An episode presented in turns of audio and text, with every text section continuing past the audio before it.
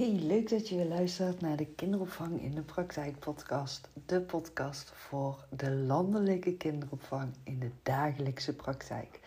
Want ik heb de overtuiging dat alles wat in die dagelijkse praktijk, in die groepen, in de kinderopvang speelt, daar liggen alle mogelijkheden, daar liggen alle oplossingen en daar kunnen ook alle vraagtekens liggen. Met deze podcast neem ik jou mee door de kinderopvang, door mijn ervaringsjaren en mijn huidige werkzaamheden binnen de kinderopvang. Ik ben Suzanne Akkermans en ik heb 23 jaar een eigen kinderdagverblijf gehad met een team. En na 23 jaar is het verkocht en heb ik een uh, nieuwe route voor mezelf uitgestippeld binnen de landelijke kinderopvang, waarin ik inzetbaar ben als pedagogisch coach, uh, maar vooral uh, pedagogisch coaches aan het coachen ben en leidinggevende en kinderopvangondernemers voorzie van adviezen en coaching. Ik vind het onwijs leuk om mee te denken en mee te kijken binnen de landelijke kinderopvang. En ik heb ook een online aanbod gerealiseerd waarmee ik echt inzet op de praktische handvaten, de dagelijkse praktijk. Echt inzetten op die persoonlijke aandacht voor die kinderen en pedagogisch beleid gaan vertalen vanuit het begrijpen in plaats vanuit het lezen. Mocht je ergens vragen over hebben, je kan mij vinden op Insta. Suzanne Akkermans of mijn kinderopvangpagina op Insta. Kinderopvang in de praktijk. En verder kan je ook een bezoekje brengen aan mijn website gewoonsuzanne.com. Suzanne schrijf je met S-U-S, anders kan je mij niet vinden. En je mag mij natuurlijk ook altijd een mailtje sturen. Suzanne.gewoonsuzanne.com Heb je specifieke vragen die je graag beantwoord zou willen hebben? Loop je ergens op vast? Wil je successen vieren? Um, ja, heb je andere feedback voor mij? Ik vind het altijd heel erg leuk om van je te horen. En ik zou het ook super leuk vinden als je een screenshot zou willen maken van de aflevering en die zou willen delen en mij daarin zou willen taggen zodat we alleen maar meer mensen binnen de landelijke kinderopvang weten te bereiken. En dat dat uiteindelijk allemaal weer terugkomt bij de kinderen. Ik wens je heel veel luisterplezier vandaag. Hey, leuk dat je er weer bent. ik ga um, nou, even de verwarming aanzetten hier, want het is heel koud hier op mijn kantoor. Ik uh, zag weer van alles voorbij komen. Um, in de media berichten over hoge werkdruk in de kinderopvang. Nou ja, ik praat daar uh, regelmatig over en hoe ik daarover denk en hoe ik dat allemaal ervaar. En dan krijg ik tegelijkertijd ook regelmatig vragen uh, van pedagogische coaches. Van ja, maar Suzanne, je moet toch uh, coachen op het pedagogisch handelen. En het is toch belangrijk dat je één op één gesprekken hebt met pedagogisch medewerkers. En um, ja, hoe kan je er dan voor zorgen dat je de pedagogische coaching waardevol maakt? En ja, dan zie je zoveel gebeuren in die groepen en dan is het al zo druk. En dan kom je ook nog eens aan om te coachen en vragen te stellen. Dat werkt toch helemaal niet? Dus hoe kan je dat dan doen? Nou, dan heb ik daar een andere kijk op, een andere ervaring in. Want ik denk dan juist, en ik kijk dan ook juist naar, oké, maar wat speelt er allemaal in die groepen? Wat speelt er bij de teamleden? Wat speelt er bij al die individuele pedagogisch medewerkers? Waar lopen ze nou precies op vast? En als je daarop gaat focussen, gewoon alleen maar gaat onderzoeken, waar lopen ze op vast? En je vindt daar het antwoord op, dan is de pedagogische coaching waardevol. En dan ontstaat verandering, dan ontstaat ontwikkeling. Er kan pas ontwikkeling ontstaan bij kinderen en dus ook bij volwassenen, bij pedagogisch medewerkers. Als er een veilige, voorspelbare, vertrouwde omgeving gerealiseerd is. Dus je kan geen pedagogisch medewerkers gaan coachen als er alleen maar chaos en onrust is. Dat is. Ehm, en dan moet ik hem even goed toelichten, want uh, dat hij niet verkeerd opgepakt gaat worden door jou. Want wat dus heel erg belangrijk is, als er heel veel chaos in die groepen is, en ik heb hier echt al, al heel vaak dingen over gedeeld. Maar als er heel veel chaos in die groepen is, dan kun je vragen gaan stellen over het pedagogisch handelen. Maar daar is geen ruimte voor. En dan voelt het niet als een meerwaarde. En als je dan vragen gaat stellen midden in de chaos, midden in de drukte, aan pedagogisch medewerkers, waar heb jij behoefte aan? Dan zal 9 van de 10 pedagogisch medewerkers zeggen: ik, heb nergens behoefte aan. Het is nu veel te druk. Terwijl je juist dan, juist dan, als jij hoort het is nu veel te druk, dat is een coachingskans. Ga dan ook meekijken naar hoe alles wordt georganiseerd in de samenwerking. En waardoor gaat het mis in die samenwerking? Wordt er alleen maar met een vinger naar de ander gewezen? Of gaan mensen ook naar hun eigen aandeel in de samenwerking kijken? Zijn ze al zo ver ontwikkeld dat ze kunnen gaan zien: hé, hey, wacht eens even. Ik kom iedere dag hier binnenlopen en het eerste wat ik denk, en dus ook voel in mezelf: dit wordt een pittige, drukke dag. Dit zijn pittige kinderen die vandaag aanwezig zijn. En als pedagogisch medewerkers op die manier denken en kijken, dan doet dat iets met hun gevoel, met hun energie in de groep. En ja, dan wordt de dag pittig zwaar. Ja, daar reageren de kinderen op. Het is zo logisch begrijpelijk, want kinderen zijn super sensitief ingesteld. Die voelen haar fijn aan hoe iemand zichzelf voelt. Ga jezelf maar na. Als iemand heel erg gestrest is, dan voel je, tenminste, ja, ik wel. Ik merk het meteen aan mensen. Ik stem mezelf ook altijd af op wat is de gevoelssensatie in een groep.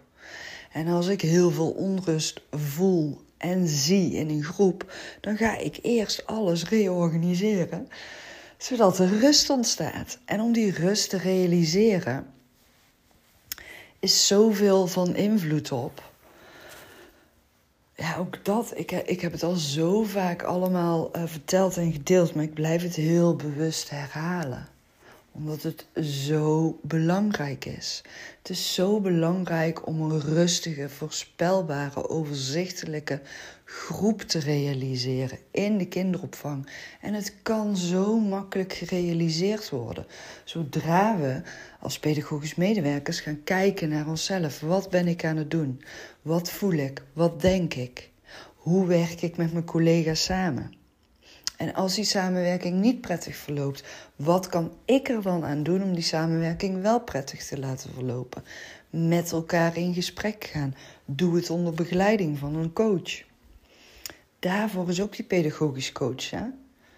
Die pedagogisch coach is er om de samenwerking ook optimaal te laten verlopen. Dus wat speelt er allemaal in die samenwerking in een team? Je hebt elkaar nodig in de kinderopvang. En hoe zijn alle uren georganiseerd? Is er continuïteit gerealiseerd in de planning? Wie staat in welke groep en zijn er onlangs veranderingen geweest in een team? Waar moeten we dan op gaan inspelen? En is het een heel team wat niet functioneert of zijn het maar een paar mensen? En hoe komt het dan dat een aantal mensen altijd weer opnieuw dezelfde problemen ervaren in het team. Hoe komt dat? Waardoor wordt dat veroorzaakt?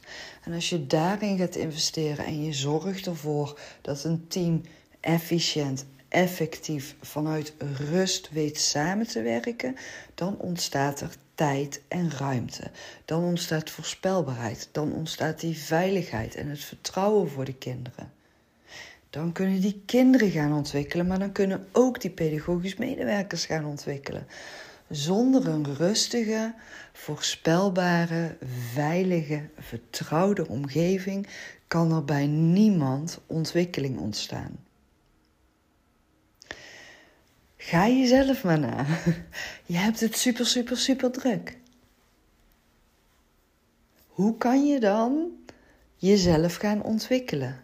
Als je het super druk hebt? Ben jij er dan bij met je hoofd? Kun je dan alles onthouden?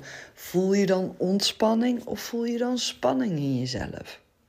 Voel je spanning in jezelf, is er geen mogelijkheid om jezelf te gaan ontwikkelen. Ontwikkeling ontstaat vanuit de juiste voorwaarden die geschept moeten worden. De juiste omgeving. Voor ontwikkeling heb je de juiste spelmaterialen nodig, de juiste ruimte nodig. Je hebt het nodig om jezelf vertrouwd en veilig te kunnen voelen. Dan ontstaat ontwikkeling. Dat is een van de redenen waarom ik standaard in de coaching en de kinderopvang eerst inzet op die rust realiseren. Dat is gewoon de basis waar ik mee begin. Als er geen rust aanwezig is in de samenwerking, dan kan ik pedagogisch medewerkers niet bewust gaan maken van hun pedagogisch handelen. Ja, tuurlijk, dat kan ik wel en dat doe ik wel. Maar dat heeft niet um, de allergrootste um, prioriteit. En die moet ik ook meteen weer even toelichten. Want um, onrust in een groep zit natuurlijk niet altijd in de samenwerking. Onrust in een groep kan ook veroorzaakt worden doordat er nog onvoldoende vaardigheden zijn ontwikkeld of kennis aanwezig is om in te spelen op de behoeftevraag van de kinderen. Dus ik zal hem even verder uitleggen en, en praktisch gaan vertalen. Bijvoorbeeld in een uh, verticale groep. Nou, dat, dat is sowieso, vind ik, altijd een mooie samenstelling om met coaching uh, te gaan kijken naar het pedagogisch handelen. Nou, stel je hebt een verticale groep. De teamleden werken echt super efficiënt en effectief met elkaar samen. Ze communiceren mooi met elkaar. Ze maken duidelijke afspraken over de dag met elkaar. Uh, ze kunnen elkaar feedback geven. Ze kunnen feedback ontvangen. Dat is allemaal in de juiste balans. En uh, daarin zijn uh, alle ontwikkelingen hebben plaatsgevonden. En er is gewoon echt een goede samenwerking aanwezig.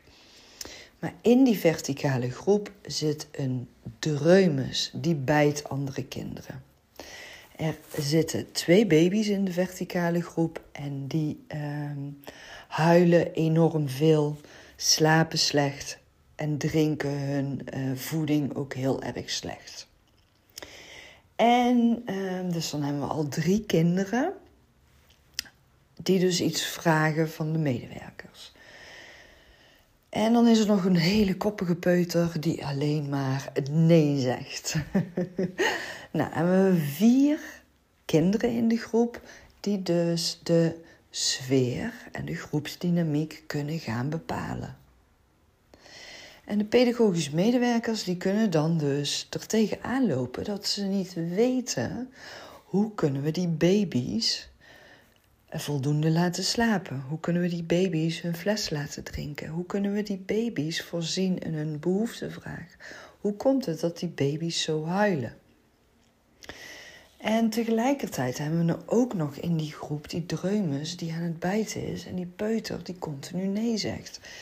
En als coach zie je dan bijvoorbeeld dat um, de pedagogische medewerkers niet zo goed weten hoe ze het uh, gedrag van de dreumesje en het peutertje kunnen omdraaien. Hoe moeten ze daarmee omgaan? Dus uh, wat je ziet gebeuren is bijvoorbeeld dat er tegen de dreumes wordt gezegd: nee, niet bijten, zeg maar sorry. En dat, je te, dat, dat een pedagogisch medewerker tegen de peuter zegt: uh, Kom jij je schoenen aandoen? Kom, we gaan nu naar buiten. Kom nou mee, we gaan naar buiten. Kom maar. Kom je ook mee naar buiten? Dus er worden alleen maar vragen gesteld. In plaats van opdrachten gegeven worden alleen maar vragen gesteld. Wil je ook je schoenen aandoen? Wil je je jas aan gaan doen? Maar ja, die peuter die blijft gewoon nee zeggen. Ondertussen is die dreumes eh, met de schoenen en de jassen aandoen aan het bijten bij een ander kindje. En tegelijkertijd zijn er ook nog twee baby's in de groep heel hard aan het huilen. En die willen hun fles niet drinken en ze gaan ook niet slapen. Ja, weet je, die vier kinderen bij elkaar kan dus een heel onrustige situatie veroorzaken. En als pedagogisch medewerkers dan dus nog niet ehm, weten hoe ze daarmee om kunnen gaan. En jij als pedagogisch coach ziet dat gebeuren, of misschien wel als leidinggevende. En je ziet dat gebeuren en je denkt, ja, hier moet ik iets mee gaan doen. Maar ja, nu is niet het juiste moment. Moet ik straks even op terugkomen? Of je maakt een notitie en je denkt bij jezelf: oh ja, volgende week heb ik de één op één gesprekken. Dan ga ik erop terugkomen. Of misschien pas over twee weken of drie weken. Maar die pedagogische medewerkers die lopen dan dus iedere dag daartegen aan. Ze weten niet wat ze daarmee moeten doen. Alleen dat al kan een heel vervelend gevoel teweeg brengen, waardoor pedagogische medewerkers dus de dag kunnen gaan starten vanuit een gevoel. Poeh, wordt weer een pittige dag vandaag, hè? Ja, het wordt echt zwaar vandaag. Ik hoop niet dat Pietje gaat bijten. Nee, oh echt hè. Zo klaar mee. Iedere keer moeten we dan tegen al die ouders. Ja, hoe moeten we daar nou mee hè? Ja, en dan uh, Jantje en Keesje die maar blijven huilen en zijn flesjes niet willen drinken. die slapen ook niet. Wat een gedoe toch iedere keer. Ik weet het ook niet meer. Nee, en dan hebben we ook nog uh, Saar en die uh, roept alleen maar heel de dag nee. Dat is gewoon niet fijn voor pedagogisch medewerkers. En dat is dus ook weer heel erg belangrijk dat je daar als pedagogisch coach dan de juiste handvaten voor aanreikt, de tips over gaat delen, adviezen in gaat meegeven. En dan ook vragen stellen. Want het is heel belangrijk dat als pedagogisch medewerkers met ehm, deze situaties bij jou terechtkomen als pedagogisch coach, dat je dan ook wel weer vragen weet te stellen. Dat je dan ook wel weer gaat vragen: oké, hoe oud is de baby? Hoeveel voeding krijgt de baby? Is het flesvoeding, is het borstvoeding? Wat is het ritme thuis? Hoe gaat het thuis? Hoe is de bevalling gegaan? Zijn er medische bijzonderheden? Is het kindje te vroeg geboren? Wanneer is het kindje gestart met de opvang? Hoe wordt thuis de voeding gegeven? Hoe gaat het thuis met het slapen? Dat zijn allemaal vragen die je dan gaat stellen als pedagogisch coach, voordat je dan weer tips en adviezen mee kan gaan geven. Heeft het kindje de juiste speen? Is het een borstvoedingkindje en heeft hij thuis nooit de fles? Probeer dan eens een keer hè, met ouders daarover in gesprek te gaan dat ouders thuis toch ook wel momenten uitkiezen waarop die een fles aangeboden gaat krijgen. En als ze dat niet willen, dat de ouder dan dus naar het kinderdagverblijf gaat komen om het kindje te gaan voeden. Want dat is dan in het belang van het kindje. En zo'n kindje wat dus niet goed gaat drinken, ehm, ja, die, die krijgt honger. Die raakt soort van overprikkeld. Bouwt heel veel stress in het lijfje op wordt dan vervolgens helemaal uitgeput in een bedje gelegd en dan gaan ze niet slapen. Maar het kan ook zo zijn dat ehm, het huiltje van de baby niet op de juiste manier ontvangen wordt en herkend wordt. Dus ik krijg ook steeds vaker eh, te horen van pedagogisch medewerkers dat kinderen niet meer mogen huilen in bed. Terwijl sommige kinderen hebben het gewoon echt nodig om in bed in slaap te huilen. En dat is helemaal niet erg. Maar daarvoor is het wel belangrijk dat jij hoort welk huiltje heeft een baby bij welke behoeftevraag. Zo belangrijk. Want als je die huiltjes herkent, dan kun je daar weer op inspelen. En dan weet je ook weer, Oh, maar nu zit er een boertje dwars. Oh, maar als ik het speentje geef, gaat hij wel slapen. Of, oh, weet je, eh, de geur van thuis in bijvoorbeeld een knuffeltje of een, of een doekje, dan gaat hij wel slapen. Oh, maar thuis slaapt hij altijd in de slaapzak en hier niet. Oh, thuis is het altijd met een muziekje erbij. Ik noem maar iets, hè. En hoe gaat een kindje vanuit de groep naar bed toe? Gaat dat op een hele snelle, vlugge manier en is de pedagogisch medewerker met haar aandacht al bij het buitenspeelmoment? Of is de pedagogisch medewerker echt vanuit rust aanwezig bij het kind met het naar bed brengen? En is er gewoon echt een afgestemde interactie met het kindje? Kijk, en dan kan je dus daarop allemaal gaan coachen en ook bewust gaan maken. En dat kan dan dus ook omdat dus verder alles supergoed verloopt in de samenwerking. En de groep verder gewoon helemaal goed georganiseerd en rustig verloopt. Dan ontstaat die ruimte om dus echt in te gaan zoomen op die pedagogische handelingen. En kijken naar de behoeftes van de kindjes en daar de ondertiteling aan gaan geven. En daar tips over gaan geven en delen. En ook weer met hè, die bijtende dreumes. Ja, wat is de oorzaak van het bijtgedrag? Ga daar dan ook weer de vragen over stellen. Doet het kindje thuis ook bijten? Krijgt het kindje tandjes? Hoe is het met de taalontwikkeling? Hoe oud is het kindje? Hoe gaat het uh, met de motorische ontwikkeling? Is het een uh, sociaal-emotionele ontwikkeling of is het vanuit frustratie, vanuit onveilig voelen? Wat is de oorzaak? En daarnaar op zoek gaan. Want als je de oorzaak boven tafel krijgt door de juiste vragen te stellen als pedagogisch coach, dan kun je weer de juiste tips en adviezen meegeven, waardoor de pedagogische medewerkers de coaching als waardevol ervaren. Plus, ze gaan ook ervaren dat het de positieve resultaten oplevert. Dat gedrag kan veranderen van een kindje. En zo ook met die peuter die alleen maar nee zegt dan is het heel goed kijken en luisteren. Wat gebeurt er tussen die pedagogisch medewerker en die peuter? Hoe voorspelbaar is de dag georganiseerd? Hoe voorspelbaar is het dagritme? Hoe lang zit die peuter al in uh, de groep? Is de peuter net overgegaan? Uh, zit de peuter uh, in een verticale groep dus al van baby af aan in de groep? Of is hij net gestart met opvang in deze groep? En hoe gaat het thuis? Worden thuis ook alleen maar vragen gesteld? Hoor je pedagogisch medewerkers alleen maar vragen stellen aan de peuter? Ja, dan is het dat waar je dan weer de adviezen en de tips op mag gaan delen. Geen vragen stellen. En ook bij de dreumes. Weet je, um, bijten hoort bij de ontwikkeling. Is niet leuk, maar het hoort er wel bij. En dan sorry zeggen, ja, dat is iets waar ik dan echt totaal niet achter sta. Want sorry is een niet-zeggend begrip. Ik leer altijd alle pedagogische medewerkers om tegen de kinderen te zeggen, als ze al zover zijn in de taalontwikkeling uiteraard, ik zal jou geen pijn meer doen. Dat is duidelijk. En laten zien, hè, de emoties benoemen en laten zien. En leren ook het voorbeeldgedrag laten zien hoe ze wel met andere kinderen om kunnen gaan.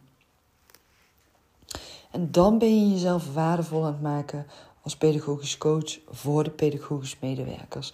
En dan ben je aan het investeren in het realiseren van een rustige, veilige, voorspelbare, vertrouwde groepsomgeving. Waarin dus en die pedagogische medewerkers kunnen ontwikkelen en de kinderen kunnen ontwikkelen.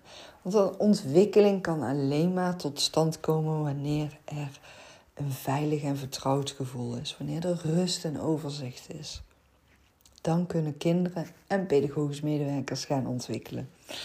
Oké, ik ben heel benieuwd wat je hier voor jezelf uit weet te halen. Of je hier vragen over hebt, of je situaties hebt waar je tegenaan bent gelopen, waarbij je echt voelt, ja, weet je, Waar moet ik nou beginnen met het coachen? Waar moet ik nou op gaan coachen? Hoe moet ik nou gaan coachen? Welke vragen moet ik gaan stellen? Of moet ik nu juist tips of adviezen gaan delen? Of moet ik nu juist vragen stellen? Moet ik nu juist gaan kijken, observeren en luisteren? Of moet ik gaan pedagogisch aansturen nu? Heb je daar vragen over? Stel ze gerust aan mij. Vond je dit een waardevolle aflevering? Deel hem gerust, zodat iedereen die hier iets van kan leren, deze podcast kan beluisteren. Want uiteindelijk komt het allemaal weer ten goede van alle kinderen en alle pedagogische medewerkers. En gaat de werkdruk omgedraaid worden naar werkgeluk. Want dat is wat ik de hele landelijke kinderopvang gun. Dankjewel voor het luisteren en graag tot de volgende keer.